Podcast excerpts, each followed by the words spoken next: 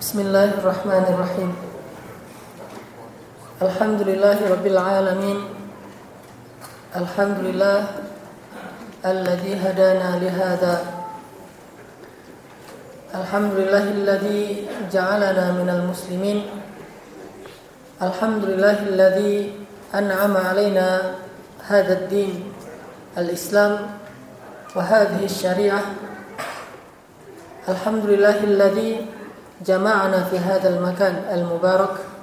عسى أن يجمعنا في جنته الفردوس الأعلى. أشهد أن لا إله إلا الله وحده لا شريك له. وأشهد أن محمدا عبده ورسوله لا نبي بعده. رضينا بالله ربا وبمحمد نبيا ورسولا وبالإسلام دينا. اللهم صل وسلم وبارك على هذا النبي وعلى آله وصحبه ومن تبعه إلى يوم القيامة أحييكم بتحية الإسلام تحية طيبة مباركة فالسلام الله عليكم ورحمة الله وبركاته Ikhwati fillah yang dirahmati Allah Subhanahu wa taala. Pada malam ini kita akan belajar tentang satu tema yang teramat penting dalam agama kita. Tema yang menjadi babak baru dalam perjalanan dakwah Nabi Shallallahu Alaihi Wasallam. Tema yang kemudian dijadikan sebagai nama tahun dalam penanggalan Islam, yaitu tema hijrah. Sebelum terjadi hijrah, penanggalan dalam Islam itu diambil dari peristiwa Nabi mendapatkan wahyu. Diistilahkan dengan istilah bi'sah. Jadi tahun pertama bi'sah, tahun kedua bi'sah, tahun ketiga bi'sah dan seterusnya. Misalnya peristiwa Isra Mi'raj, tahun keberapa bi'sah? Karena belum hijrah sehingga tidak disebut tahun keberapa hijri hijriah tapi tahun keberapa bi'sah. Peristiwa Umar masuk Islam pada tahun kesekian bi'sah tahun tiga bi'sah. Ini tidak disebut hijriah karena belum terjadi hijrah. Dan menurut kebiasaan orang Arab dulu mereka menamakan penanggalan-penanggalan itu sesuai dengan peristiwa besar yang terjadi. Ketika terjadi peristiwa besar maka berikutnya tahun-tahun dinamakan dengan peristiwa itu sampai nanti muncul lagi peristiwa berikutnya baru diganti namanya. Seperti orang yang Nasrani menamakan tahun dalam penanggalan mereka itu after death. Peristiwa wafatnya Nabi Isa menurut mereka. Sehingga disebut after after death atau tahun lahirnya Nabi Isa menurut mereka sehingga disebut oleh kita dengan tahun miladiyah, tahun kelahiran. Dan Nabi Shallallahu Alaihi Wasallam lahir di tahun yang sama dengan tahun ketika terjadi penyerangan terhadap Ka'bah yang kemudian disebut dengan Amul Fil, tahun gajah. Sebelum terjadi Bisa, maka tahun-tahun itu dinamakan dengan tahun gajah satu, tahun gajah dua, tahun gajah tiga dan seterusnya sampai Nabi dapat wahyu kemudian jadi tahun Bi'isah satu, Bi'isah dua dan seterusnya. Setelah Nabi hijrah maka tahun dalam Islam tidak lagi diubah namanya kecuali dengan nama Hijriyah. Ini menunjukkan bahwa peristiwa dan tema hijrah ini adalah tema yang sangat besar dalam Islam. Bahkan lebih besar dari tema ketika Nabi pertama dapat wahyu. Padahal kita tahu Dapat wahyu itu pada malam Lailatul Qadar di bulan Ramadan dan itu Al-Qur'an yang turun dengan wujud Jibril yang sebenarnya Jibril tidak turun kepada Nabi dalam wujud asli kecuali dua kali saja. Ketika pertama membawa wahyu dan ketika di Sidratul Muntaha. Yang lain semuanya turun dalam wujud seorang laki-laki yang sempurna. Ini menunjukkan besarnya peristiwa biasa. Tetapi Nabi menyuruh menamakan tahun ini dengan istilah Hijriyah menunjukkan betapa istimewanya peristiwa hijrah ini. Maka kalau peristiwa ini istimewa, maka siapa pun yang terlibat dengan peristiwa ini menjadi istimewa. Kalau kejadian itu istimewa, maka siapa pun yang ada di dalamnya terangkat menjadi istimewa. Islam itu istimewa, maka siapa pun yang masuk ke dalam Islam dia menjadi hamba Allah yang istimewa. Ramadan itu istimewa, maka siapa pun yang beribadah di bulan Ramadan memberikan hak-hak bulan itu dia menjadi istimewa. Sepertiga malam terakhir adalah waktu paling istimewa dalam sehari, maka siapa yang bangun di sepertiga malam terakhir dia menjadi orang yang mahmuda, istimewa, terpuji. Nabi Muhammad, nabi yang paling istimewa, maka yang menjadi umatnya adalah umat yang paling istimewa di antara semua umat Nabi. Masjid adalah tempat yang paling istimewa. Maka siapa yang masuk ke dalamnya, dia adalah orang yang paling istimewa di antara semua orang yang berada di muka bumi. Keistimewaan sesuatu, maka ketika kita terlibat dengannya, kita menjadi istimewa. Maka ikhwas sekalian, hijrah ini adalah sebuah peristiwa yang besar. Sebuah kejadian yang sangat penting dalam sejarah Islam sehingga orang-orang yang terlibat dalam hijrah ini kelak kemudian menjadi orang yang khusus dan dikenal dengan istilah muhajir atau muhajirin. والسابقون الأولون من المهاجرين والأنصار Pertanyaan yang unik adalah kalau mereka yang berhijrah disebut muhajirin karena terlibat dengan hijrah jadi istimewa. Terus kenapa orang Ansor juga menjadi istimewa? Karena dia membantu orang-orang yang berhijrah. Tetap ada kaitannya dengan hijrah. Dia disebut Ansor karena dia yang menolong orang-orang yang datang kepadanya untuk berhijrah di jalan Allah Subhanahu wa taala. Makanya membahas tentang hijrah bukan sekedar membahas sejarahnya, dan kita sudah tahu sejarahnya. Banyak kisah-kisah dan banyak para ustaz yang mengulang-ulang peristiwa sejarah hijrah ini. Hijrahnya Salman Al-Farisi, hijrahnya uh, Suhaib bin Amr Ar-Rumi, hijrahnya Ali bin Abi Thalib, hijrahnya Umar bin Khattab yang terang-terangan dan yang paling luar biasa hijrahnya Rasulullah Shallallahu alaihi wasallam bersama Abu Bakar As-Siddiq.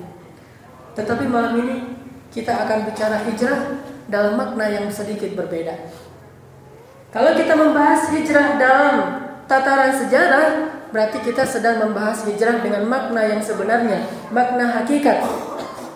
Tapi malam ini kita akan membahas hijrah dengan makna majaz, makna kiasan, makna yang lain yang lebih umum daripada makna sejarah tadi. Hijrah seperti apa yang akan kita bahas? Hijrah seperti apa yang masih berpeluang untuk kita dapatkan sehingga kita menjadi istimewa seperti orang muhajirin? Bukankah hijrah dengan makna yang pertama sudah tidak ada lagi kesempatannya? Kata Nabi, "La hijrah ba'da amin hada." Tidak ada lagi hijrah setelah tahun Fathu Makkah. Karena tidak ada lagi negeri kufar yang harus ditinggalkan, maka sudah menjadi negeri orang-orang yang beriman. Tetapi yang ada adalah jihad dan niat. Artinya bahwa hijrah dengan makna keluar dari negeri kufar kepada negeri mukmin dari Mekah ke Madinah sudah tidak ada lagi peluangnya sudah ditutup. Tetapi masih ada hijrah dengan makna majaz, dengan makna yang lebih umum selain makna hijrah yang pertama tadi. Dan makna hijrah yang kedua ini banyak sekali. Tetapi salah satu yang menurut saya paling penting untuk kita ketahui adalah dan paling mendasar hijrah itu artinya meninggalkan dosa. Itulah hijrah. Hijrah itu adalah meninggalkan kata Nabi apa yang Allah tidak suka. Kalau kita tahu ini bahwa Allah nggak suka ini, tinggalkan. Itu hijrah yang sebenarnya. Bahkan hijrah ini kedudukannya lebih tinggi daripada hijrah dari Mekah dan Madinah, walaupun Mekah dan Madinah itu punya kedudukan yang istimewa di mata Allah. Kenapa? Karena hijrah yang ini Allah buka terus sampai hari kiamat. Sampai matahari terbitnya di barat sampai nyawa kita berada di tenggorokan di kerongkongan di tenggorokan kita baru ditutup pintu hijrah ini. Bahasa lainnya adalah taubatan nasuha, meninggalkan dosa-dosa, meninggalkan maksiat, meninggalkan yang makruh, meninggalkan yang syubhat, meninggalkan hal-hal yang tidak Allah suka. Ini adalah hijrah yang sebenarnya. Maka ikhwas sekalian, kalau kita membaca Al-Quran kita akan menemukan bahwa banyak sekali ayat-ayat tentang hijrah dan hijrah ini bukan hanya peristiwa yang terjadi di zaman Rasulullah SAW. Hijrah ini adalah amal yang menghiasi setiap sejarah para anbiya, setidaknya ulul azmi. Dengan Nuhnya yang hijrah di atas kapalnya, dengan Ibrahimnya yang hijrah dari Irak ke Palestina, dari Palestina ke Makkah. Dengan Musanya yang dari yang hijrah dari Mesir ke Madian, Yordania, kemudian balik lagi ke Mesir. Dengan Nabi Isa yang hijrahnya dari dunia bumi ke langit dan nanti akan kembali ke bumi. Dan dengan Muhammad Sallallahu Alaihi Wasallamnya yang hijrah dari Makkah ke Madinah. Setidaknya ulul azmi minar rusul, nabi-nabi yang paling istimewa itu kenapa menjadi istimewa? Salah satunya dalam sejarah mereka selalu ada adegan hijrah yang luar biasa. Apa kata Nabi Ibrahim tentang hijrahnya? Inni muhajirun ila rabbi. Saya berhijrah kepada Rabb saya. Saya baca tafsirnya. Apa arti berhijrah kepada Allah? Kata para ulama tafsir, berhijrah kepada Allah adalah berhijrah kepada apa yang Allah perintahkan. Terserah Allah mau perintahkan apa, saya menuju ke sana. Allah panggil di mana, saya akan datang ke situ. Allah panggil, hayya. Hijrahnya adalah saya penuhi panggilan Allah. Labbaika ya Rabbi wa sa'dai. Saya penuhi panggilanmu ilahi ya Rabbi dan wa sa'dai wal khairu bi yadaik wa laisa. Kebaikan itu ada di sisimu ya Allah, maka saya datang berhijrah kepada Allah. Ketika Allah memanggil as-silah as-silah as-silah. Senjata-senjata yaitu jahidu fi sabilillah. Maka dia akan datang ke tempat-tempat Allah memanggilnya dengan suara kaum muslimin yang mustad'afin. Panggilan Allah di masjid dengan suara seorang muazzin. Panggilan Allah di medan-medan jihad dengan suara kaum muslimin yang terjajah dan terzalimi suara perempuan-perempuan yang dinistai, suara anak-anak yang dizolimi, suara orang tua yang disakiti. Suara mereka adalah hayya alal jihad bagi kaum muslimin. Maka kata Ibrahim, "Inni muhajirun ila rabbi." Sesungguhnya saya itu azamnya Nabi Ibrahim. Dia katakan, "Inni muhajirun ila rabbi." Saya akan berhijrah kepada Rabb saya. Maka keluarlah Ibrahim dari Irak pergi ke Mesir. Allah menyuruhnya ke Mesir, eh, menyuruhnya ke Palestina lewat Mesir. Kenapa ada pelajaran nanti di Mesir? Allah akan mempertemukannya dengan Hajar. Kenapa tidak langsung saja dari Irak ke Mesir eh, ke Palestina? Kenapa muter dulu ke Mesir? Bukankah kalau kita lihat peta, Irak ke Palestina itu bisa lurus? Kenapa muter dulu melewati Laut Merah ke Mesir? Allah ingin mempertemukannya dengan sesuatu yang baik. Ini muhajirun ila rabbi. Pokoknya kalau berhijab pada Allah, pasti ada kebaikan yang Allah sedang sediakan. Allah panggil kita, "Halummu ilayya ya ya abdi." Ke sini wahai hambaku, ke sini. Allah panggil, "Ini muhajir." Saya langsung berhijrah. Ternyata di Mesir, Sarah ini kan terkenal sangat cantik ya. Seorang uh, wanita Irak yang terkenal cantiknya luar biasa. Sehingga ketika sampai di Mesir, Raja Mesir kagum dengan kecantikan Sarah, kemudian ingin menikahi Sarah. Ditanya ke Ibrahim, "Man hadhi? Siapa perempuan itu?" Ibrahim tidak bisa menjawab itu istri saya, karena kalau ketahuan saya suaminya, maka saya akan dibunuh. Demi menikahi Sarah, tergila-gila kepada Sarah. Sehingga Ibrahim mengatakan, "Hadhi ukhti." Ini saudari saya. Kalau saudari berarti ini kakaknya. Ah, PDKT itu dengan kakaknya ya, biar bisa dapetin adiknya. Oh, dikasih tempat yang baik, kamar yang istimewa, VVIP kepada Ibrahim. Setelah itu malamnya dia ingin menggoda Sarah. Ketika dia menyentuh Sarah, tangannya terbakar dan lumpuh. Dia sentuh lagi, tangannya yang sebelah lagi terbakar dan lumpuh. Langsung kayak orang habis gosong langsung tangannya dan lumpuh, kayak orang kena penyakit stroke. Kemudian dia mengatakan, ini bukan perempuan biasa, ini adalah seorang penyihir. Demi untuk supaya dia sembuh, akhirnya dia hadiahkanlah seorang pelayan yang paling baik yang dia miliki yaitu Hajar supaya raja ini sembuh dari penyakitnya. Maka Hajar kemudian dihadiahkan kepada Ibrahim, kemudian Allah memberikan kesembuhan kepada raja ini dan Sarah pun dibebaskan bersama Ibrahim pergi ke Palestina. Di Palestina Allah Subhanahu wa taala ingin mengajarkan Ibrahim tentang tanah suci ketiga yang waktu itu hanya terkenal dua yaitu Mekah dan Palestina, belum ada Madinah. Kemudian Allah suruh nikahi Sarah, lalu menikahi Hajar. Kemudian disuruh bawa ke sebuah tempat yang jauh yang tidak pernah dikenal oleh para uh, musafir kecuali Nabi Adam. Lalu hilang dalam sejarah, muncul lagi di zaman Ibrahim. Hilang dalam sejarah, muncul lagi di zaman menjelang Rasulullah SAW muncul. Bawa ke sana wahai Ibrahim. Ini muhajirun ila rabbi. Tidak masalah, lakukan saja, berhijrah saja kepada Allah. Dia berangkat dengan istrinya yang masih membawa bayi yang masih kecil. Tinggalkan di situ wahai Ibrahim, pergilah kamu. Ini perintah Allah. Ini muhajirun kembali ke Palestina. Ya muhajir ke Palestina. Bagaimana dengan istri saya? Allah, Rabbi ini askantu min dzurriyyati biwadin ghairi dhi Rabbi waj'al fi afidatin nas tahwi ilaihim. Ya Allah jadikan hati manusia itu senang kepada mereka. Lalu ditinggalkan muncul zam-zam yang tidak habis-habisnya sampai sekarang.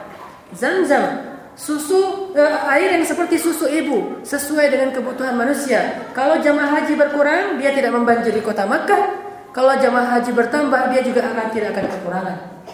Ma'un mubarak. Air yang begitu berkah ini yang namanya berkah. Harta yang berkah itu seperti itu. Ketika ada kebutuhan, Allah cukupkan demi kebutuhan kita. Ketika tidak ada kebutuhan, Allah kurangi supaya tidak mubazir. Itulah rezeki yang berkah. Jadi kalau kita makan sedikit, ingatlah bahwa memang kebutuhan kita sedikit segitu supaya kita tidak berbuat dosa seperti syaitan yaitu mubazir. Kalau lebih karena memang ada yang menginginkannya, ada yang membutuhkannya. Intinya Zam-zam Allah berikan lewat hijrahnya Ibrahim ke, ke Makkah. Sampai sekarang, kalau jemaah haji lagi rame-ramenya, apalagi haji besar, maka itu tidak akan kurang dari kebutuhan jemaah haji. Tetap semuanya dapat beberapa puluh liter. Ada yang dibawa resmi, ada yang diambil sendiri, diminum di sana, dipakai untuk berbagai macam kebutuhan. Tapi ketika musim umrohnya berhenti, terutama setelah Idul Fitri, tidak boleh umroh kecuali bagi orang dalam saja, sehingga kita lihat di parabola itu Ka'bah menjadi sepi, Zam-zam tidak membanjiri kota Makkah. Harusnya kalau dia keluar banyak, kalau yang ngambilnya kurang maka banjir. Tidak sesuai dengan kebutuhan. Ini hasil dari hijrah. Ini buah hadiah Allah kepada seorang muhajirun ila rabbi, berhijrah kepada Allah Subhanahu wa taala. Makanya ada satu nasihat dari ulama. Ini penting kalau bisa ini jadi status kita di hati. Bukan di hand, di handphone. Status, apa statusnya? Min awalil khair an tatruka Awal dari kebaikan itu adalah tinggalkan dosa. Mau dapat kebaikan dari Allah, tinggalkan dosa. Itu aja syaratnya. Tinggalkan dosa, berhijrahlah dari dosa. Min awalil khair, pengen jadi orang yang rezekinya berkah, tinggalkan riba. Pengen jadi orang yang khusyuk salatnya, tinggalkan dosa. Pengen bisa menghafal Al-Quran, tinggalkan dosa. Pengen ketika duduk dalam majelis ilmu itu ilmu kemudian melekat di benak dan hati kita, tinggalkan dosa. Pengen dapat jodoh yang cantik dan soleha, tinggalkan dosa. Seperti apa? seperti Yusuf, seperti Musa, seperti yang lain-lainnya. Tinggalkan dosa awal dari kebaikan. Pengen dapat kebahagiaan di rumah tangga, tinggalkan dosa. Karena sesungguhnya kesengsaraan kita itu karena dosa. Tidak ada sebab lain selain do dosa. Allah Subhanahu wa taala menurunkan rahmat kepada hambanya setiap hari. Jangan pikir jarang. Setiap hari Allah turunkan rahmat kepada kita. Setiap hari Allah sibuk memberi rahmat kepada hambanya. Terus ada hamba yang bertanya, Ya Allah, kenapa saya tidak dapat rahmat? Dosa menghalangimu dari rahmat Allah Subhanahu Wa Taala. Dosa menghalangi kita dari rahmat Allah. Jangan salahkan Allah kalau kita punya penyakit terus tidak sembuh. Karena dosa menghalangi kita dari sembuh. Allah sudah turunkan syifa. Kalau orang yang sedikit dosanya dan banyak bertaubat, Allah mudahkan kesembuhannya. Kecuali sebagian kecil yang sengaja Allah uji seperti Ayub. Umar, ada yang sakit perut, bukan sakit perut biasa, sakit perut udah berhari-hari. Tanya sama Umar, Malak, Mabik, kenapa kamu? Saya sakit perut. Sini kata Umar. Dipegang perutnya. A'udzubillahi. Bismillahirrahmanirrahim. Alhamdulillahirabbil alamin. Diruqyah. Kemudian Rabban nas adhibil ba's isfi anta syafi la shifa illa shifa'u. Gimana perut? Hah, udah langsung sembuh, cepat sekali. Langsung sembuh dan lebih sehat dari sebelum dia sakit. Allah berikan rahmat cepat sesuai dengan sedikit banyaknya dosa. Makanya kata Aisyah radhiyallahu anha ketika ditanya siapa orang yang pertama masuk surga? Orang yang paling sedikit dosanya. Bukan yang paling banyak amalnya, tetapi yang paling sedikit dosanya. Karena kalau orang sedikit dosa, Allah akan bimbing hatinya kepada banyak amal-amal soleh. Kalau kita merasa kurang bisa semangat beramal soleh, itu pasti sebabnya dosa. Jangan pikir dosa itu nggak ngaruh bagi kita. Bahkan dunia dan akhirat kita dipengaruhi oleh dosa kita. Sedikit saja berpengaruh. Kalau kita ada yang merasa tidak berpengaruh oleh dosa, itu mungkin naudzubillah, tsumma qasat qulubum min Hatinya sudah keras. Ada orang ngelihat aurat perempuan, ngelihat film porno dan seterusnya, ngelihat hal-hal yang vulgar, ah gue mah biasa aja ngelihat gitu-gitu nggak ngaruh. Ini kosat kulubuhum, sudah keras hatinya. Terus ada orang yang ngelihat sedikit, udah astagfirullahaladzim, ah lu lebay lu, begitu aja ngeres ngeres apa segala macam enggak, dia masih baik hatinya sehingga langsung berasa. Bagi dia tuh langsung terasa sedikit aja ada yang tidak baik terasa bagi dia. Sedangkan kita banyak hal yang tidak baik terjadi biasa-biasa saja Bukankah kata Nabi selemah-lemah iman itu adalah mencegah kemungkaran di hati? Artinya merasa tidak nyaman dengan kemungkaran di dalam hati kita. Makanya mau dapat kebaikan tinggalkan dosa, berhijrahlah dari dosa dan yakinlah janji Allah sebagaimana kata Nabi, siapa yang meninggalkan sesuatu karena Allah, karena takut kepada Allah, maka Allah akan menggantikan untuknya yang lebih baik dari itu. Meninggalkan pertemanan Bukan dia tidak mau berteman, tetapi meninggalkan kebiasaan gaul yang buruk sehingga akhirnya dia ditinggalkan oleh teman-temannya atau dia mungkin dibenci, dikucilkan oleh teman-temannya. Allah akan menggantikan untuknya teman yang lebih baik. Dan ini buktinya. Ketika kita berhijrah, kita jadi bersaudara. Kita jadi bersaudara di sini dan saling kenal bukan karena saya buat program, itu hanya asbab. Bukan karena Allah buat program itu hanya asbab syariatnya. Tetapi karena antum sedang berhijrah, Allah menjanjikan untuk antum akan mempertemukan dengan orang yang lebih baik sebagai teman-teman baru antum. Di sinilah buktinya.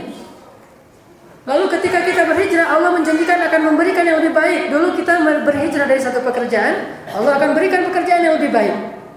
Nanti kita akan dengarkan kisah-kisah ini bukan dari saya secara teoritis, tetapi dari langsung pelakunya yang sudah mendapatkan bukti dari janji Allah. Min awalil khair antatruka syar. Kalau mau dapat kebaikan dunia akhirat, tinggalkan saja dosa. Insya Allah dapat. Dan nanti banyak sekali buktinya. Yang pertama, kita coba dengar sharing dari kakak kita, saudara kita, sahabat kita. Bagi yang sebagian mungkin adik kita, ayah Doni. Mana ayah Doni? Ya, silakan ayah Doni ke depan. Saya minta tolong ayah Doni untuk sharing kepada kita tentang pengalaman hijrah beliau dan bagaimana perasaan dan kehidupan beliau after hijrah. Apakah benar janji Allah dan Rasul bahwa bagi yang berhijrah ada kebaikan yang lebih banyak daripada sebelum dia berhijrah? Silakan ayah.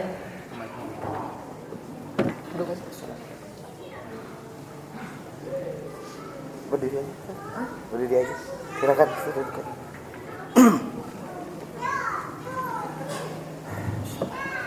Assalamualaikum warahmatullahi wabarakatuh. Uh, sebelumnya rasanya tidak pantas saya di sini dan berdiri di depan orang-orang yang soleh ini. Sebenarnya saya juga hanya ingin menjadi orang yang lebih baik dan orang yang disayangi Allah. Uh, Nama saya Doni. Kalau di komunitas underground atau musik bawah tanah, saya lebih dikenal dengan nama Depa. Uh, saya vokalis sebuah band metal, cadas, hardcore, punk rock, ya apalah namanya. Tapi itu dulu. uh, saya terlahir di keluarga muslim, cuman keluarga yang uh, kurang taat uh, akan agama Islam. terus uh, remaja saya besar di jalanan kota Bandung, tepatnya di Jalan Sumatera, di belakang Mall BP saya dulu di situ dari tahun 95 mungkin sampai 2000 2008an kan saya di tiga tahun saya ikut di jalan pulang ke rumah paling pas hari raya. Hari-hari remaja saya diisi dengan banyak dosa atau maksiat.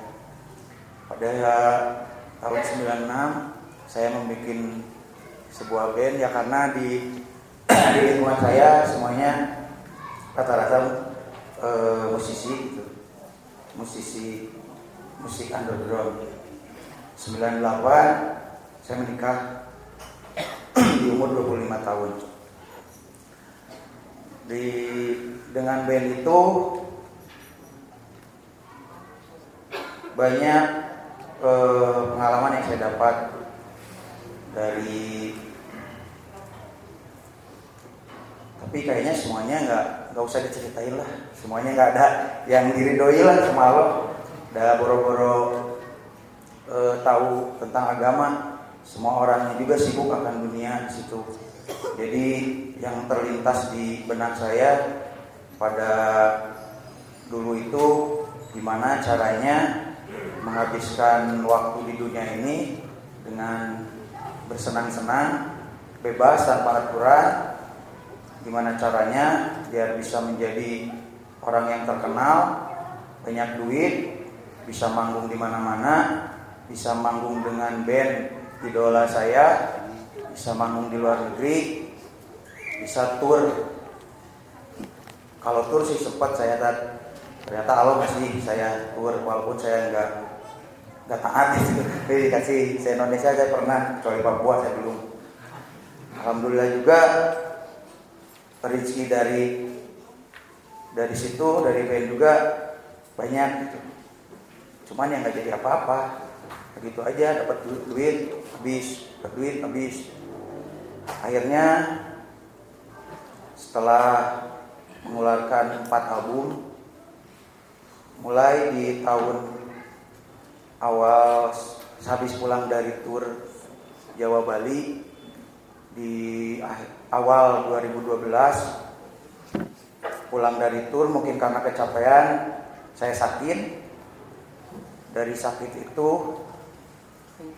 mulai saya eh, berhenti merokok berhenti mengkonsumsi minuman keras. Tapi ngeganja masih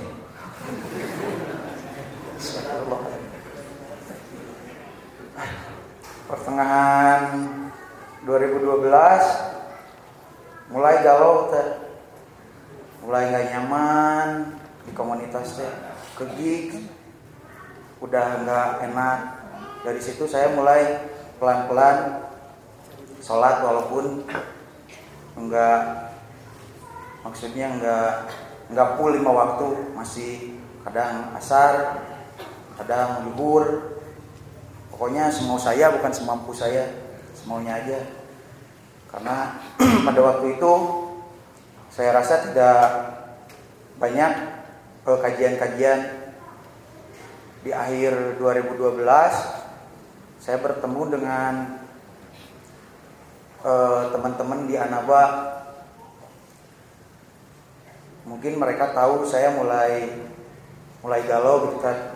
Waktu itu ada saudara saya Ucai dari Rocket Rockers terus teman-teman Pam yang drummernya Billboard mulai ngobrol. Ya eh, kita ngaji yuk. Akhirnya saya mulai ngaji bareng mereka. Waktu itu di Hotel Ciamplas sekarang pengajiannya pindah ke Bogor Cafe. Setiap hari Rabu tapi sekarang lagi libur pada ke sini kayaknya. Terus tahu Alatip pada awal-awal 2013 mungkin karena Allah tahu ya saya pengen pengen jadi bener gitu orang yang baik. Makanya di awal 2013 itu saya e, buka kedai bakso dan alhamdulillah e, bagus gitu dan jadi karena kedai bakso itu akhirnya e, saya tidak terlalu menumpukan e, hidup saya di band. Terus di tahun 2013 kalau manggung udah mulai aduh bukan gue lagi eh gitu. Bukan udah bukan dempak gitu. Kalau manggung udah nggak hatinya nggak di situ gitu pas puncak puncak saya meninggalkan semuanya gitu. Puncaknya saya hijrah udah karena yang namanya hijrah itu berpindah dari suatu tempat dari A ke tempat B dan bukan hanya perpindahan raga saja gitu bukan hanya jiwa tapi uh, main artinya pola pikir juga harus berubah. Puncaknya ketika saya masih sholat bulan betul di setiap subuh uh, anak saya kan sudah gede yang pertama. Jadi kalau subuh itu selalu dibangunin sama istri saya uh, kak uh, sholat. Anak-anak kan biasa kalau disuruh sholat subuh itu susah. Sementara saya ya itu uh, tidur tidur hayam gitulah. Tidur tapi bangun tapi orang ya ya dah. Sholatnya juga nggak pol gitu. Belum maksudnya belum tohibnya belum pol gitu. Makanya semaunya aja kadang kalau ingat sholat kalau enggak ya cuek aja gitu. Akhirnya uh, istri saya kan terus membangunin uh, kak sholat kak sholat dan terlontar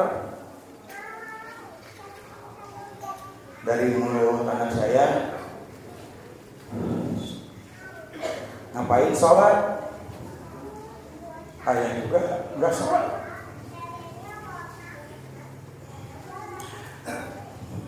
Nah itu sih yang bikin saya saya teh imam itu yang nanggung dosa keluarga saya teh suami itu saya ayah. Dan akhirnya dari sejak itu saya niatkan bahwa tidak akan pernah meninggalkan semua. Dan akhirnya berjalan sampai sekarang ikut kajian eh, dan emang benar gitu apa yang dijanjikan Allah ketika kita meninggalkan sesuatu yang buruk karena Allah Allah akan menggantinya dengan yang lebih baik. Saya sempat dinyir-nyir oleh beberapa sahabat saya di komunitas yang tadinya suka datang ke warung jadi nggak pernah ya saya mah eh, berprasangka baik aja gitu. Dan ketika kita berprasangka baik, insya Allah Allah juga akan eh, ngasih yang baik-baik. Pertama-tama sih saya marah waktu itu wah Ustadz Sosmed wah ini wah kayak malilah sedepan apa ini gitu deh ya akhirnya mungkin mereka lihat sehari dua hari seminggu dua minggu sebulan dua bulan setahun dua tahun. Mungkin sekarang hijrah saya yang tiga tahun tadi kalau saya dan uh, akhirnya di akhir 2014 saya memutuskan uh, keluar dari band saya. Bukan karena melihat dari segi ya soalnya ada beberapa hadis ya yang menyatakan bahwa ya saya emang nggak melihat musik buat dakwah atau apa tapi saya mau melihatnya musik saya gitu. E, ketika saya perform di bawah kan orang nikrat-nikrat pada mabuk eh, akhwat dan iwan bercampur yang bukan mahramnya. Itu kan kalau di syariat Islam adalah dosa itu ketika kita menyampaikan kebaikan dan kebaikan itu ditiru oleh orang maka kita akan mendapat pahala orang tersebut tanpa mengurai pahala orang tersebut. Begitu juga kalau kita menyampaikan keburukan keburukan itu ditiru oleh orang dan kita akan mendapatkan dosa tanpa mengurangi dosa orang tersebut. Dan saya juga selalu eh, terngiang itu kata-kata Ustaz Nujul dosa itu akan besar bila yang membuat yang berbuat dosa yang kecil itu adalah seorang panutan saya rumah gitu rumah apa itu? Saya eh, rasa gitu. Saya ngerasa gitu saya tuh banyak fans. Kalau saya ngomong ah diturutan ah gitu. Jadi akhirnya ah daripada jadi banyak. Jadi saya juga kepikir dengan saya kira sekarang dengan saya berbuat amal jauh gitu buat nutup dosa-dosa yang saya telah lalu kadang-kadang saya berpikir begitu.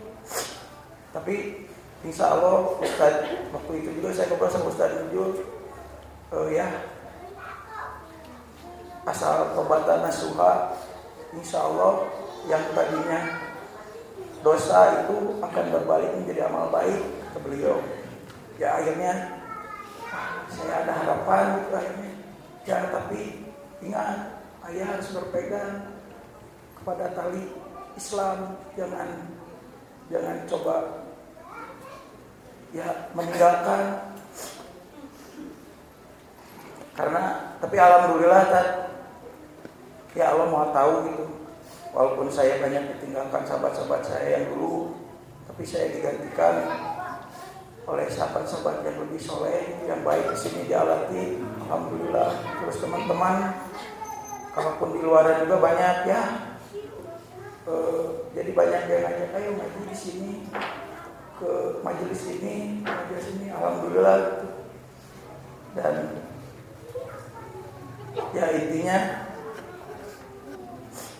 carilah sahabat itu yang jangan mengajak kita hanya bersenang-senang saja tapi carilah sahabat yang selalu mengingatkan kita sama Allah itu aja. Kalau ada sahabat yang selalu mengingatkan kita sama Allah ingat pegang erat-erat peluk jangan dilepas. Karena insya Allah teman-teman yang soleh itu akan memberikan syafaat di akhirat kelak. Ya cuman segitu aja tuh Assalamualaikum warahmatullahi wabarakatuh. Waalaikumsalam warahmatullahi wabarakatuh. Ya, uh, luar biasa jemaah bahwa banyak hal yang dulu saya sempat uh, duduk lama dengan ayah Doni cerita-cerita dan masih banyak hal yang belum mungkin karena keterbatasan waktu belum bisa disampaikan semuanya. Tapi sekarang kita bisa melihat bahwa kehidupan kita setelah berhijrah itu Allah buat lebih berkualitas daripada sebelum berhijrah. Allah ganti semuanya, kualitas hidup kita, keberkahan rezeki kita, terus keberlimpahan kebahagiaan di dalam hati kita. Allah ganti karena itu janji Allah melalui lisan Rasulnya. Siapa yang meninggalkan satu keburukan karena Allah, Allah menggantinya dengan kebaikan yang lebih banyak untuk dia. Jadi nggak usah khawatir. Ditambah lagi dengan sebuah kaidah min awalil khair an tatruka Awal dari kebaikan itu tinggalkanlah dosa. Mau dapat kebaikan apa pun istighfar. Makanya dulu para ulama melihat dosa mereka itu kepada banyak hal, melihat dosa mereka itu pada dirinya, melihat dosa mereka itu pada istrinya, melihat dosa mereka itu pada anaknya, melihat dosa mereka itu pada bahkan kepada rezekinya, bahkan pada hewan ternaknya. Para ulama dulu, para salafus salih, kalau misalnya hewan yang biasanya memberikan susu beberapa gelas atau beberapa jerigen ternyata berkurang jumlah susunya, itu penyebabnya dosa sehingga mereka bertobat kepada Allah hanya gara-gara susunya berkurang dari hewan ternak mereka. Kalau anak-anak mereka yang biasanya taat kepada orang tua kali ini agak keras kepala, itu enggak hanya anaknya yang dinasihati, tetapi mereka menasihati diri sendiri karena itu dampak dari dosa.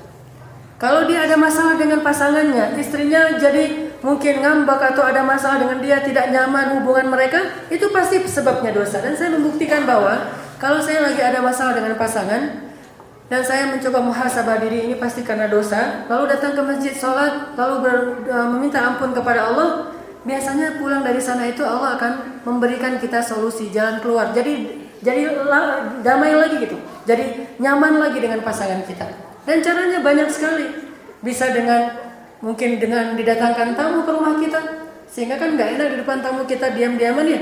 Ngobrol, tamu pulang udah biasa lagi. Caranya banyak. Atau mungkin dengan cara Allah tiba-tiba melapangkan dada kita. Mungkin yang salah adalah pasangan kita. Tetapi yang dilapangkan dada kita sehingga dengan kelapangan dada kita tetap bisa berbuat baik pada dia kita senyum kita ucapkan kata-kata yang baik akhirnya dia jadi akhirnya jadi baik lagi dan kemudian hubungan kita menjadi lebih nyaman kembali. Ini semuanya adalah gara-gara dosa. Tidaklah Allah menghalangi seseorang dari rahmat kecuali penghalangnya itu adalah dosa-dosa kita. Makin besar dosanya, makin sulit dan makin banyak rahmat yang kita tidak dapatkan. Termasuk ilmu. Para ulama dulu karena ilmu mereka banyak dan jarang sekali lupa. Sekali lupa itu pasti sebabnya dosa dan kita tahu adegan Imam Syafi'i. Ketika beliau curhat kepada gurunya Imam Waqi' Kenapa hafalan saya akhir-akhir ini melemah ya guru? Kata gurunya, sesungguhnya ilmu itu cahaya Allah dan cahaya itu tidak diberikan kepada para pendosa. Maka bertaubatlah. Imam Syafi'i teringat dengan mungkin ada beberapa kesalahan yang nggak sengaja beliau lakukan. Termasuk di zaman Utsman bin Affan. Ketika Utsman bin Affan membuat majelis seperti ini di masjid. Utsman ini seorang khalifah, Amirul Mukminin, presiden, seorang imam masjid dan seorang ulama yang mengajarkan ilmu. Syarat duduk dalam majelis Utsman bin Affan adalah bertaubat. Syarat duduk dalam majelis ilmunya Utsman bin Affan adalah bertobat. Kalau ada yang belum bertobat, maka nggak boleh duduk dalam majelis ilmu Utsman. Kenapa? Allah tidak akan turunkan rahmat dari ilmu kepada orang yang masih banyak dosanya. Sehingga mereka datang dengan wudhu, kemudian pakaian yang baik, kemudian mereka membagi-bagi parfum, bersiwak dan beristighfar kepada Allah, baru duduk dalam majelis ilmu. Tiba-tiba datang dari luar seorang laki-laki yang ketika dia mau mau masuk masjid secara sega, tidak sengaja sekilas lewatlah seorang perempuan dengan berhijab lalu hijabnya ditiup dengan angin kencang ada angin kencang dan terbukalah auratnya dan kelihatan rambutnya laki-laki ini melihat sekilas saja karena dia menganggap ini kebetulan cuma sekilas dan cuma rambut dari jarak yang jauh sehingga dia anggap itu sesuatu yang sepele tidak beristighfar tanpa beristighfar dia masuk ke masjid Kemudian duduk dalam majelisnya Utsman. Utsman mengatakan, "Kenapa aku melihat ada seorang laki-laki yang datang kepada kita sedangkan di matanya masih ada bekas dosa?" Di matanya masih ada bekas dosa. Utsman tahu. Lalu laki-laki itu mengatakan, "Ya Amirul Mukminin, bagaimana engkau tahu apakah telah turun wahyu kepadamu padahal tidak ada lagi wahyu setelah Rasulullah?" Apa kata Utsman? "Ittaqu farasatal mu'min." Hati-hati kamu dengan firasat orang yang beriman. Farasat, firasat. Dan ini hanya diberikan kepada orang soleh. Kita tidak punya firasat seperti ini. Jadi jangan menilai orang lain, oh ini ahli maksiat, ini ahli dosa. Tidak. Untuk diri saja, untuk diri kita. Artinya hanya sekilas saja ngelihat yang dia juga cuma rambut dan itu pun jarak jauh. Ternyata tidak diridhoi oleh Allah untuk duduk dalam majelis ilmunya Utsman. Bagaimana dengan kita yang lebih dari rambut dan tidak sekilas dan tidak jarak jauh, jarak dekat sekali? Maka awal dari setiap kebaikan tinggalkanlah dosa, hijrah. Dan nanti Allah akan berikan kebaikan-kebaikan. Mudah-mudahan ini bermanfaat. Kita lanjutkan insya Allah nanti setelah sholat isya. Bismillahirrahmanirrahim. Ikhwas sekalian, kata kunci kita pada malam ini adalah kalimat tadi dari para ulama bahwa min awalil khair an tatrukas syarr awal dari setiap kebaikan itu adalah tinggalkanlah dosa. Pokoknya kalau kita ngerasain ada galau sedikit itu sebabnya bukan karena belum ketemu pacar atau belum dapat pacar, masih jomblo, bukan itu sebab seseorang galau. Galau itu dari dosa. Seorang kecewanya berlebihan itu dari dosa, gelisah itu dari dosa, penyakit jasmani, rohani dan kehidupan kita semua bermasalah itu semuanya sebabnya dosa. Makanya tidak ada dosa yang baik, tidak ada dosa yang menghasilkan kebaikan itu nggak mungkin, dan tidak juga ada kebaikan yang menghasilkan keburukan. Maka awal dari kebaikan itu tinggalkan dosa. Nabi Shallallahu Alaihi Wasallam menasihati kita dengan kalimat, "Idza kathurat dzunubul 'abdi wa laysa lahu 'amalun yukaffiruha, ibtalahu Allah bil hazan liyukaffiraha." Kalau ada hamba yang dosanya banyak, tapi dia tidak cukup amal untuk mengkifarat dosa-dosanya, Allah akan mengujinya dengan kesengsaraan untuk mengkifarat dosa-dosanya. Jadi dosa itu membuat hidup kita susah. Jadi kalau kita punya banyak dosa, tapi kita sedikit amal, maka tidak balance, tidak seimbang antara e, bebannya dengan yang bisa menampungnya, maka akhirnya Allah akan menguji kita dengan banyak sekali beban-beban hidup untuk bisa menampung dosa-dosa kita sebagai kifarat atas dosa-dosa kita. Sakit itu sebabnya dosa. Seandainya orang tidak berdosa, apakah dia kemudian akan sakit? Ya, mungkin sakitnya itu untuk raf'ud derajat, untuk mengangkat derajat. Tapi kalau terus-menerus ujian yang Allah berikan kepada dia itu hanya untuk mengkifarat dosanya, kapan dia akan diangkat derajatnya? Karena Allah tidak akan mengangkat derajat sebelum dia dibersihkan dari dosa-dosa. Wa rafa'na laka dzikrak setelah alladzi anqadha dhahrak. Allah meringankan dulu beban-beban. Alam nashrah laka sadrak wa wada'na anka dzid wa wada'na an kadhahrak alladzi wa wada'na anka wizrak alladzi anqadha dhahrak wa rafa'na laka dzikrak. Kami turunkan dulu wizrak. Wizrun itu adalah dosa dan yang paling besar itu adalah syirik. Kami turunkan dulu beban-beban dosamu yang telah memberatkan punggungmu baru kemudian warafa'na laka. Maksudnya apa? Kalau bagi kita itu bagi Rasulullah secara khusus. Kalau bagi kita makna ayat itu Allah tidak akan mengangkat derajat seseorang yang masih banyak dosa. Maka Allah akan mengkifarat dulu dosanya, baik dengan amal solihnya, kalau tidak cukup maka dengan musibah-musibah yang akan ditimpakan kepada dia. Tergantung besarnya dosa kita. Makin besar, maka tunggulah. Idza jaa ajalul la yastakhiruna sa'atan wa la yastaqdimun. Kalau sudah datang waktu yang Allah ancamkan, Allah mengatakan, "Kalla sayalamun, summa kalla sayalamun. Kalla sawfa ta'lamun, summa kalla sawfa ta'lamun." Atau fantadhiru inni ma'akum minal muntadhirin.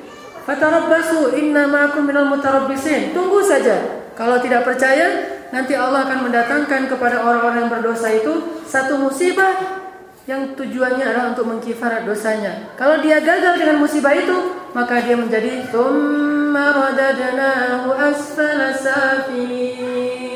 Jadilah dia orang yang serendah rendahnya. Makanya ikhwas kalian, yakinlah kepada janji Allah dan Rasul bahwa siapa yang meninggalkan suatu keburukan karena Allah, Allah akan menggantikan untuknya banyak kebaikan dari jalan yang lain. Ada satu nasihat dari Imam Ibnu Qayyim al-Jauziyah tentang bahayanya dosa atau keburukan-keburukan yang ditimbulkan dari dosa. Kata beliau, dosa itu yang pertama adalah menghalangi seseorang dari ilmu yang benar. Ilmu yang benar. Apa ilmu yang benar?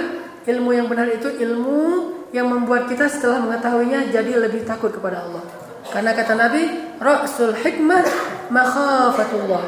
Ilmu yang puncaknya itu adalah merasa takut kepada Allah. Itu ilmu yang benar. Atau serendah-rendahnya kata Imam Al-Ghazali, ilmu itu adalah meyakini bahwa akhirat lebih baik daripada dunia. Jadi kalau kita dapat ilmu agama tapi tidak lebih yakin bahwa akhirat lebih baik daripada dunia, itu bukan ilmu yang hak, bukan ilmu yang benar. Apalagi kalau kita tidak mendapatkan rasa takut kepada Allah setelah belajar ilmu, berarti itu bukan ilmu yang hak, bukan ilmu yang benar. Itu hanya sakafah, itu hanya wawasan, itu hanya tamattu akli, itu hanya sensasi berpikir. Banyak orang yang berpikir sudah duduk dalam majelis ilmu, sedangkan ketika dia pulang tidak bertambah imannya, padahal tujuan dari duduk dalam majelis ilmu adalah untuk memperbaharui iman. Apa kata Muaz bin Jabal? Hayya najlis nu'min sa'ah. Ayo kita duduk memperbaharui iman kita sebentar. Nu'min sa'ah, nujaddid imanana, memperbaharui iman kita. Jadi kalau kita duduk dalam majelis ilmu, tetapi kita tidak bertambah iman, ada dua kemungkinan. Majlis itu bukan majlis ilmu tapi majlis lalai atau kemungkinan yang kedua, balrona ala qulubihim. Hati kita telah ditutup oleh dosa-dosa sehingga tidak lagi mendapatkan kesan dari ilmu. Coba lihat, ada orang yang mendengarkan ayat Allah, mendengarkan hadis-hadis Rasulullah langsung di hatinya. Kalau saya menyebutnya dengan istilah bertilawah dengan hati. Bagaimana bertilawah dengan hati? Idza tutla alaihim ayatul rahman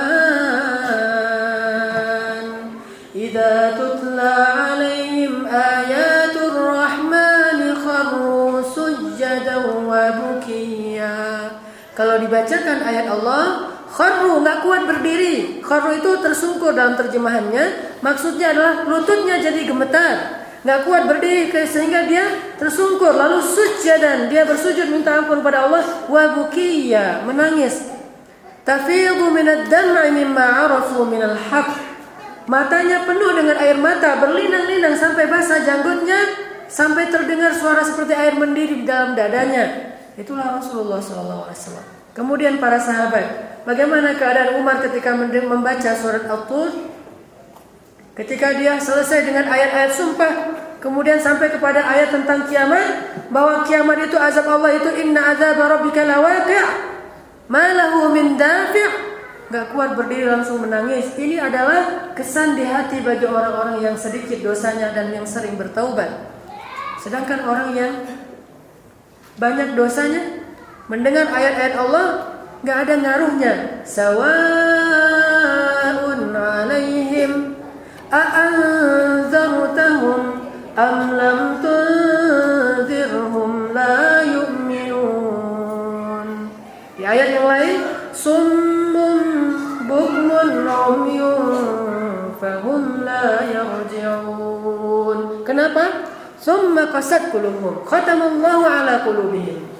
Ini gara-gara dosa. Makanya tadi dalam kisah Imam Asy-Syafi'i, saya tanya kepada seorang ulama Gaza, Profesor Dr. Abdurrahman Jamal yang pernah datang ke Indonesia. Beliau ketua program tahfiz Al-Qur'an Hamas di Gaza. Datang ke Indonesia dua tahun yang lalu. Saya ketemu, saya tanya, "Ya Syekh, Kenapa anak-anak Gaza itu mudah sekali menghafal Al-Quran? Sebulan, dua bulan khatam Al-Quran. Dan rata-rata sebulan sudah khatam. Sehari satu juz hafalan barunya. Dan lancar. Apa rahasianya? Metode apa yang dipakai? Apakah quantum memory, quantum learning, dan seterusnya? Beliau tidak tahu apa itu semua. Tidak ada metode itu di kami. Terus apa metodenya Syekh? Satu, mereka adalah orang-orang yang jauh dari perbuatan yang sia-sia dan dosa. Bagaimana akan berbuat dosa? Negerinya negeri yang terjajah, Listrik saja tidak ada, bagaimana akan nonton TV? Ketika saya tanya kepada akhwat yang hafal Al-Quran 21 hari di Cihanjuang, di tempat saya, beliau khatam Al-Quran 21 hari, hafiz. Hafizah, 21 hari. Modalnya apa? Ketika datang ke pesantren itu cuma dari Abduha sampai An-Nas. Kurang dari setengah juz. Modalnya cuma segitu. 21 hari berikutnya hafizah dan lancar. Saya tanya kepada beliau karena saya nggak saya nggak habis pikir kok bisa kayak gitu. Kata beliau, saya sejak kecil nggak pernah nonton TV. Sejak kecil tidak pernah nonton TV. Belajarnya di Yaman dan di Yaman itu juga TV-nya lebih selamat dari Indonesia itu pun tidak pernah nonton. Makanya kenapa saya beli parabola di rumah supaya anak-anak saya nonton TV-nya TV Arab. TV Arab itu iklannya selamat dibandingkan TV Indonesia. Kalau ada iklan misalnya kayak gini, minuman uh, apa mineral fit misalnya ditaruh aja di atas meja terus di shoot udah selesai itu iklan fit tidak ada perempuan minum minuman itu di pantai apa nggak ada itu langsung botolnya di shoot dikasih bercak-bercak air supaya kesannya segar selesai fit udah gitu aja selamat dari hal-hal yang subhat sehingga nanti bisa kalau dia yang mau yang acara anak-anak ada acara Qasasul Anbiya, Qasasus Solihin yang sifatnya kartun, dia bisa nonton uh, live Makkah, live Madinah, setiap hari Al-Quran, setiap hari hadis. Makkah itu Quran, Madinah itu hadis, dan ketika antara azan dan iqamah munajat. Doa yang begitu indah luar biasa. Saya kalau udah antara azan dan iqamah di Mekah Madinah itu, saya suka dengerin munajatnya itu romantis sekali. Hamba kepada Rabbnya. Ini tontonannya sehingga lebih mudah bagi mereka mendengar, mendapatkan kebaikan. Walaupun ini belum sempurna, tapi yang akhwat tadi rahasianya saya nggak pernah nonton TV sejak kecil. Bukan berarti saya katakan nggak boleh nonton sama sekali, tapi ambillah hikmah di sini. Kita sedang tidak bicara tentang fikih halal haram, tapi kita bicara tentang hikmah. Lihatlah hikmah dari meninggalkan dosa, bahkan yang terkecil sekalipun. Karena Allah Subhanahu wa taala akan mengilhamkan kepada kita ilmu. Makanya Ketika seseorang berbuat jangankan dosa kesia-siaan, maka malaikat yang membawa ilmu yaitu malaikat Safaroh tidak mau dekat kepada kita. Karena malaikat Safaroh ini malaikat yang paling sensitif. Siapa pemimpin malaikat Safaroh? Jibril. Safaroh kiramin barara itu malaikat dutanya para malaikat. Safaroh itu dalam bahasa kita artinya duta. Dia adalah dutanya malaikat, bersih luar biasa. Jibril aja kayak gitu ya, penampilannya bersih, tidak ada asarus safar, bekas-bekas safar yang dia tidak mau dekat dengan orang yang punya masalah dengan dosanya, tidak bersiwak bahkan nggak mau. Sehingga pernah seorang ulama memimpin sholat berjamaah, tiba-tiba di belakangnya ada jamaah yang kelegean apa? Terap. apa itu? Sendawa. Jadi dia senda, sendawa dan sendawanya itu ngeluarin bau yang tidak sedap. Imamnya di depan mencium bau itu langsung berhenti membaca Al-Quran. Lama kayak orang salah lupa hafalan. Makmumnya bingung dan makmumnya tidak ada yang hafiz sehingga tidak bisa membenarkan bacaan itu. Diam saja. Setelah sekian lama dia lanjutkan bacaan. Selesai sholat muridnya bertanya, ya Syekh kenapa tadi berhenti membaca? Ketika saya sedang membaca Al-Quran, saya yakin malaikat datang untuk menyimak bacaan itu.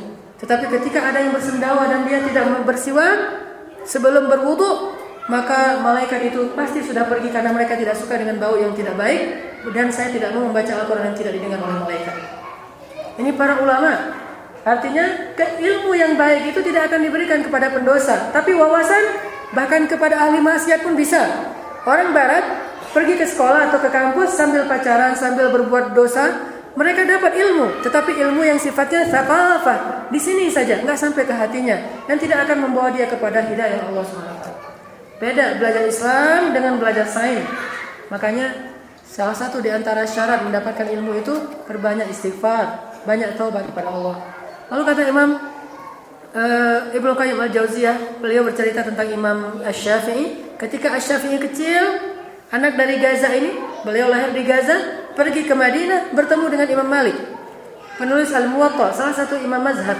Ketika sampai kepada Imam Malik, Imam Syafi'i pengen nyetor hafalan hadis di dalam kitab Muwatta. Sudah hafal. Dikasih oleh Imam Malik, ini kitabnya. Duduk sebentar, hafiz. Kitab tebal, ratusan halaman.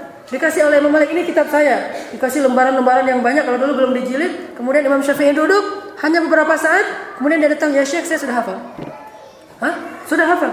Hafal. Coba kamu dites hadis ini, dites hadis itu dengan riwayatnya, dengan riwayatnya, dengan kemudian syarahnya, penjelasannya, semuanya bisa. Apa kata Imam Malik? Ya Syafi'i, sesungguhnya kata Imam Malik, aku memandang Allah Subhanahu wa taala telah memasukkan cahaya ilmu ke hatimu, maka janganlah engkau padamkan cahaya tersebut dengan kegelapan maksiat. Ada orang yang Allah berikan pemahaman yang baik tentang agama. Orang yang luar biasa, termasuk di Mesir itu ada seorang anak yang saya pernah cerita hafal Al-Quran dalam 10 hari. Sehari 3 juz, 10 hari khatam. Dalam sebulan dia menghafal 10 kiraat. Kiraat itu berat dan saya pernah mau mencoba belajar dan nggak jadi lulus dan belum lulus sampai sekarang. Itu luar biasa berat sekali. Dia dalam sebulan selesai 10 kiraat. Yang tujuh di antaranya mutawatir, tiga yang lain kabar ahad. Selesai. Kemudian dia hafal hadis Bukhari Muslim, sebanyak 11.000 hadis selama 10 hari saja. Sehari menghafal 1100 hadis. Kemudian dia menghafal Bukhari saja dalam 10 hari, menghafal Muslim saja dalam 10 hari. Bayangin kita Sahih Bukhari berapa berapa jilid? Membaca aja kita belum pernah khatam. Ini hafal 10 hari. Ketika ditanya apa rahasianya, dia menghabiskan waktunya semuanya untuk kebaikan. Dalam 24 jam waktunya 23 jamnya adalah untuk belajar ilmu. Setengah jam untuk tidur, setengah jam untuk kebutuhan yang lain. Hajat, makan, setengah jam tidur, setengah jam, 23 jam Al-Quran, Al-Quran, Al-Quran. Tapi yang menjadi hebat bukan kemampuannya, kuah. Inilah rahasia kenapa Yahya alaihissalam itu anak yang sangat cerdas. Kata Allah, Ya Yahya khudil kitab babi kuah. Wahai Yahya, pelajari kitab Taurat itu dengan kuah. Kuah itu apa? Minat yang tinggi. Dan minat itu tidak Allah berikan kecuali kepada orang yang zakiyah. Gulaman zakiyah. Yaitu Yahya. Tidak berbuat dosa sama sekali. Yahya ini anak dari kecil nggak pernah berbuat dosa. Mirip dengan Ali bin Abi Thalib. Sejak kecil nggak pernah melihat auratnya sendiri bahkan. Apalagi orang orang lain. Makanya Ali adalah salah satu sahabat yang ilmunya luar biasa. Ini ilmu. Belum lagi nanti kita bahas hal-hal yang lain. Intinya kalau kita mau dapat kebaikan, maka tinggalkanlah dosa. Mau dapat kebahagiaan, tinggalkanlah dosa. Hijrahlah dari dosa. Berikutnya, mungkin saya nggak bisa menampilkan semua teman-teman. Saya yakin banyak di sini yang punya pengalaman-pengalaman yang baik, yang luar biasa, inspiring. Cuma mungkin hanya beberapa orang karena keterbatasan waktu. Di waktu yang lain kita bisa saling kenal dengan program olahraga kita setiap hari Ahad, dengan program mukhayyam kita setiap beberapa bulan sekali, dengan program Qiyamul kita setiap bulan sekali dan juga dengan program kita duduk-duduk untuk silaturahim setelah pengajian setiap uh, uh, Senin dan Rabu malam kita bisa saling mengenal. Saya ingin meminta tolong kepada salah seorang di antara ikhwah di sini yang dulunya adalah seorang atlet eh, yang sampai sekarang ya masih jadi atlet skateboard dan beliau hijrah bukan meninggalkan skateboard karena skateboard ini sesuatu yang tidak tercela dalam agama, sesuatu hobi saja. Bahkan ketika jadi olahraga dia menjadi kesehatan bahkan prestasi, tetapi bukan hijrah dari skateboard. Hijrah dari dosa. Di mana dosanya? Skateboard plus narkoba mungkin skateboard plus sia-sia mungkin, skateboard plus hal-hal yang meninggalkan sholat gara-gara olahraga itu yang ditinggalkan. Skateboardnya tetap, tetapi kalau istilah kita di sini skateboard syariat. Tadi ada uh, musisi syariat, skateboard syariat, geng motor syariat, kiki, geng motor syari dan di sini banyak ada boxer syariat, ada orang apa lagi? Uh, taekwondo syariat, karate syariat, kempo syariat, ini militer syariat, ustadz syariat. Masa ustadz syariat ya? Semuanya disyariatkan, bukan ditinggalkan hobinya, tidak. Kita tidak menyuruh orang untuk meninggalkan kesenangannya, tetapi kita mengantarkan orang dari satu kesenangan dengan kesenangan yang lain yang lebih luar biasa di sisi Allah Subhanahu wa taala. Kita tampilkan saudara kita Pevi. Mana Pevi? Ya, silakan Pevi.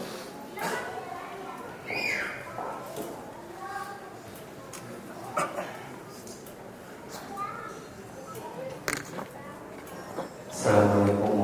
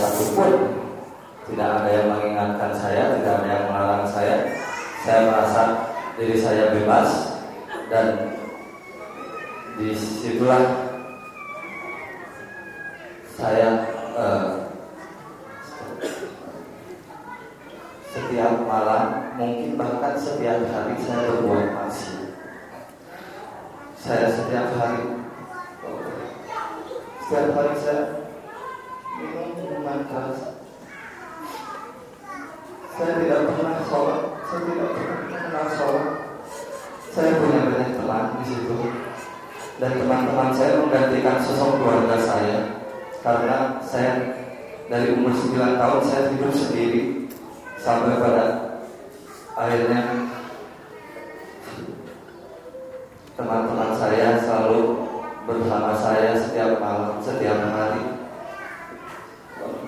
Saya pikir hati saya sudah tertutup dan saya pikir Allah tidak melihat saya. Subhanallah, Allah memberikan karunia sangat luar biasa dan saya dipertemukan oleh Allah sama mantan pacar saya yang sekarang alhamdulillah dari istri saya saya punya anak umurnya dua tahun setengah laki-laki saya berniat untuk mencoba uh, membenahi diri dengan saya menikah karena Allah dan saya menikah karena saya ingin memperbaiki diri saya sendiri tapi setelah saya menikah masih tetap saya tidak ingat Allah saya tidak ingat dan saya tidak pernah bersyukur. Bersyukur hanya di mulut saja, tidak di hati. Dan subhanallah, di sini ada teman saya namanya Fani, Fani Ino. Oh, ini orang ini. Bapak Fani Ino, terima kasih uh, dialah yang selalu mengingatkan sholat termasuk istri saya selalu mengajak saya untuk datang ke taklim selama dua tahun selama dua tahun saya berkelit-kelit dengan alasan selama dua tahun saya berkelit-kelit dengan alasan dan pada akhirnya saya mencoba untuk nggak enak sama Bapak Ino. Datanglah ke sini. Dulu pernah dua tahun yang lalu datang ke sini dan hilang lagi. Setelah beberapa bulan ke belakang mungkin enam bulan ke belakang saya ke sini dan uh, ada Ustadz Hanan yang mengisi di sini. Hidayah yang saya cari uh, ternyata saya dapatkan dan Ustaz Hanan bilang manusia itu ada tiga golongan Ustaz golongan A, golongan beriman, golongan munafik dan golongan kafir. Di situ saya sangat sangat tertampar sekali. Ada di mana golongan saya? Ada di mana saya berada? Ada di golongan mana?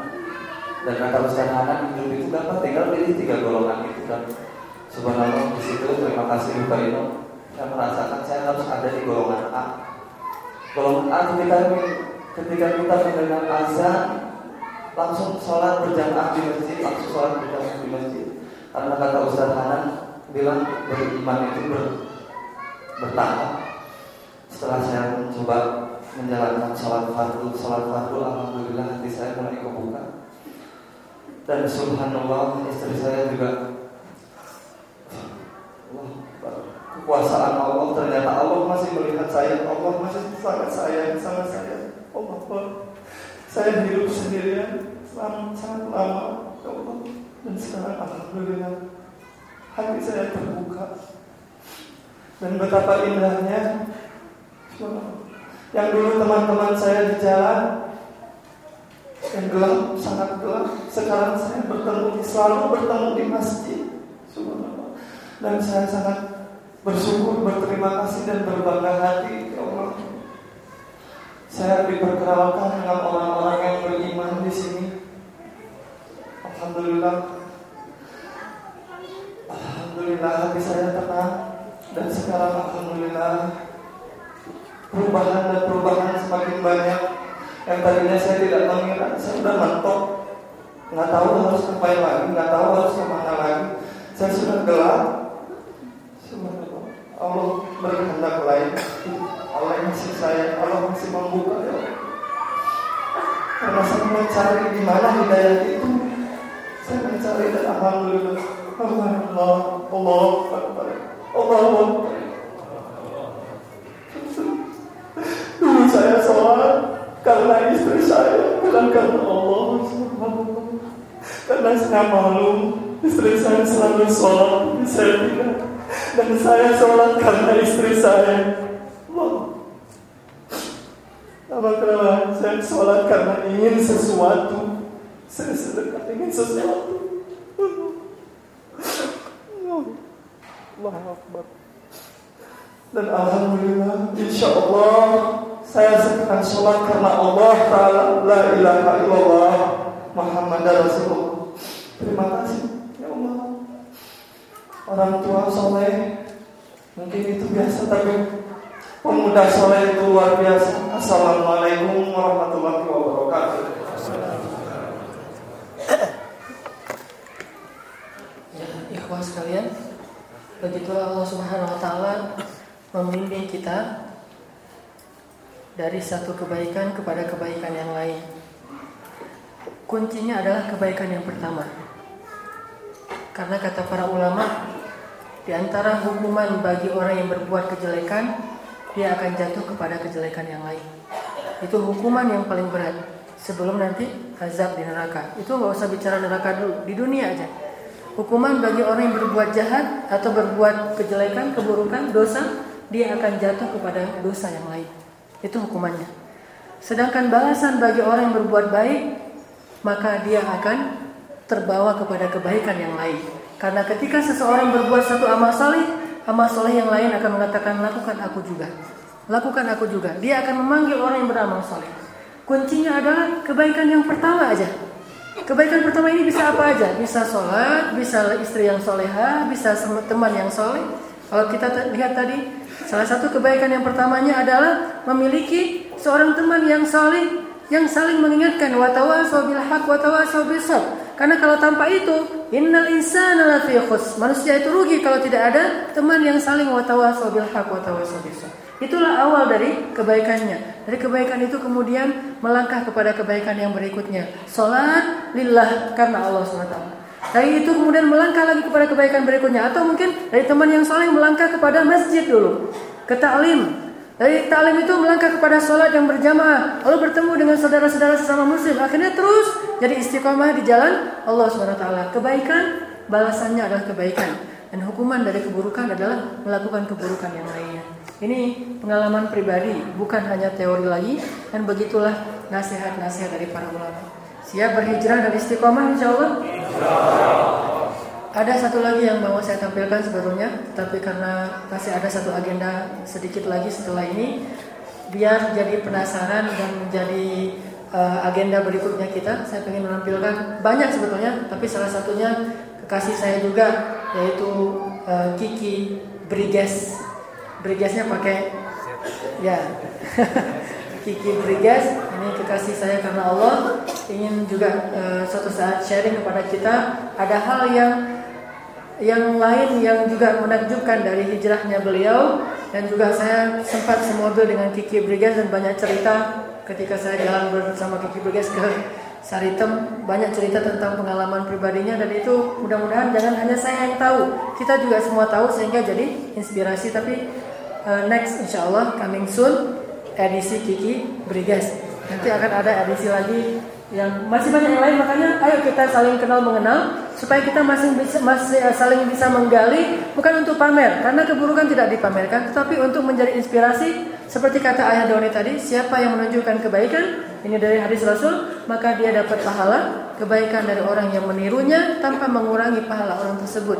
Jadi kalau kita menunjukkan inspirasi hijrah kita lalu ada orang yang berhijrah Mudah-mudahan ini akan mendapat pahala bagi kita dari hijrah orang tersebut tanpa mengurangi pahala hijrahnya dia.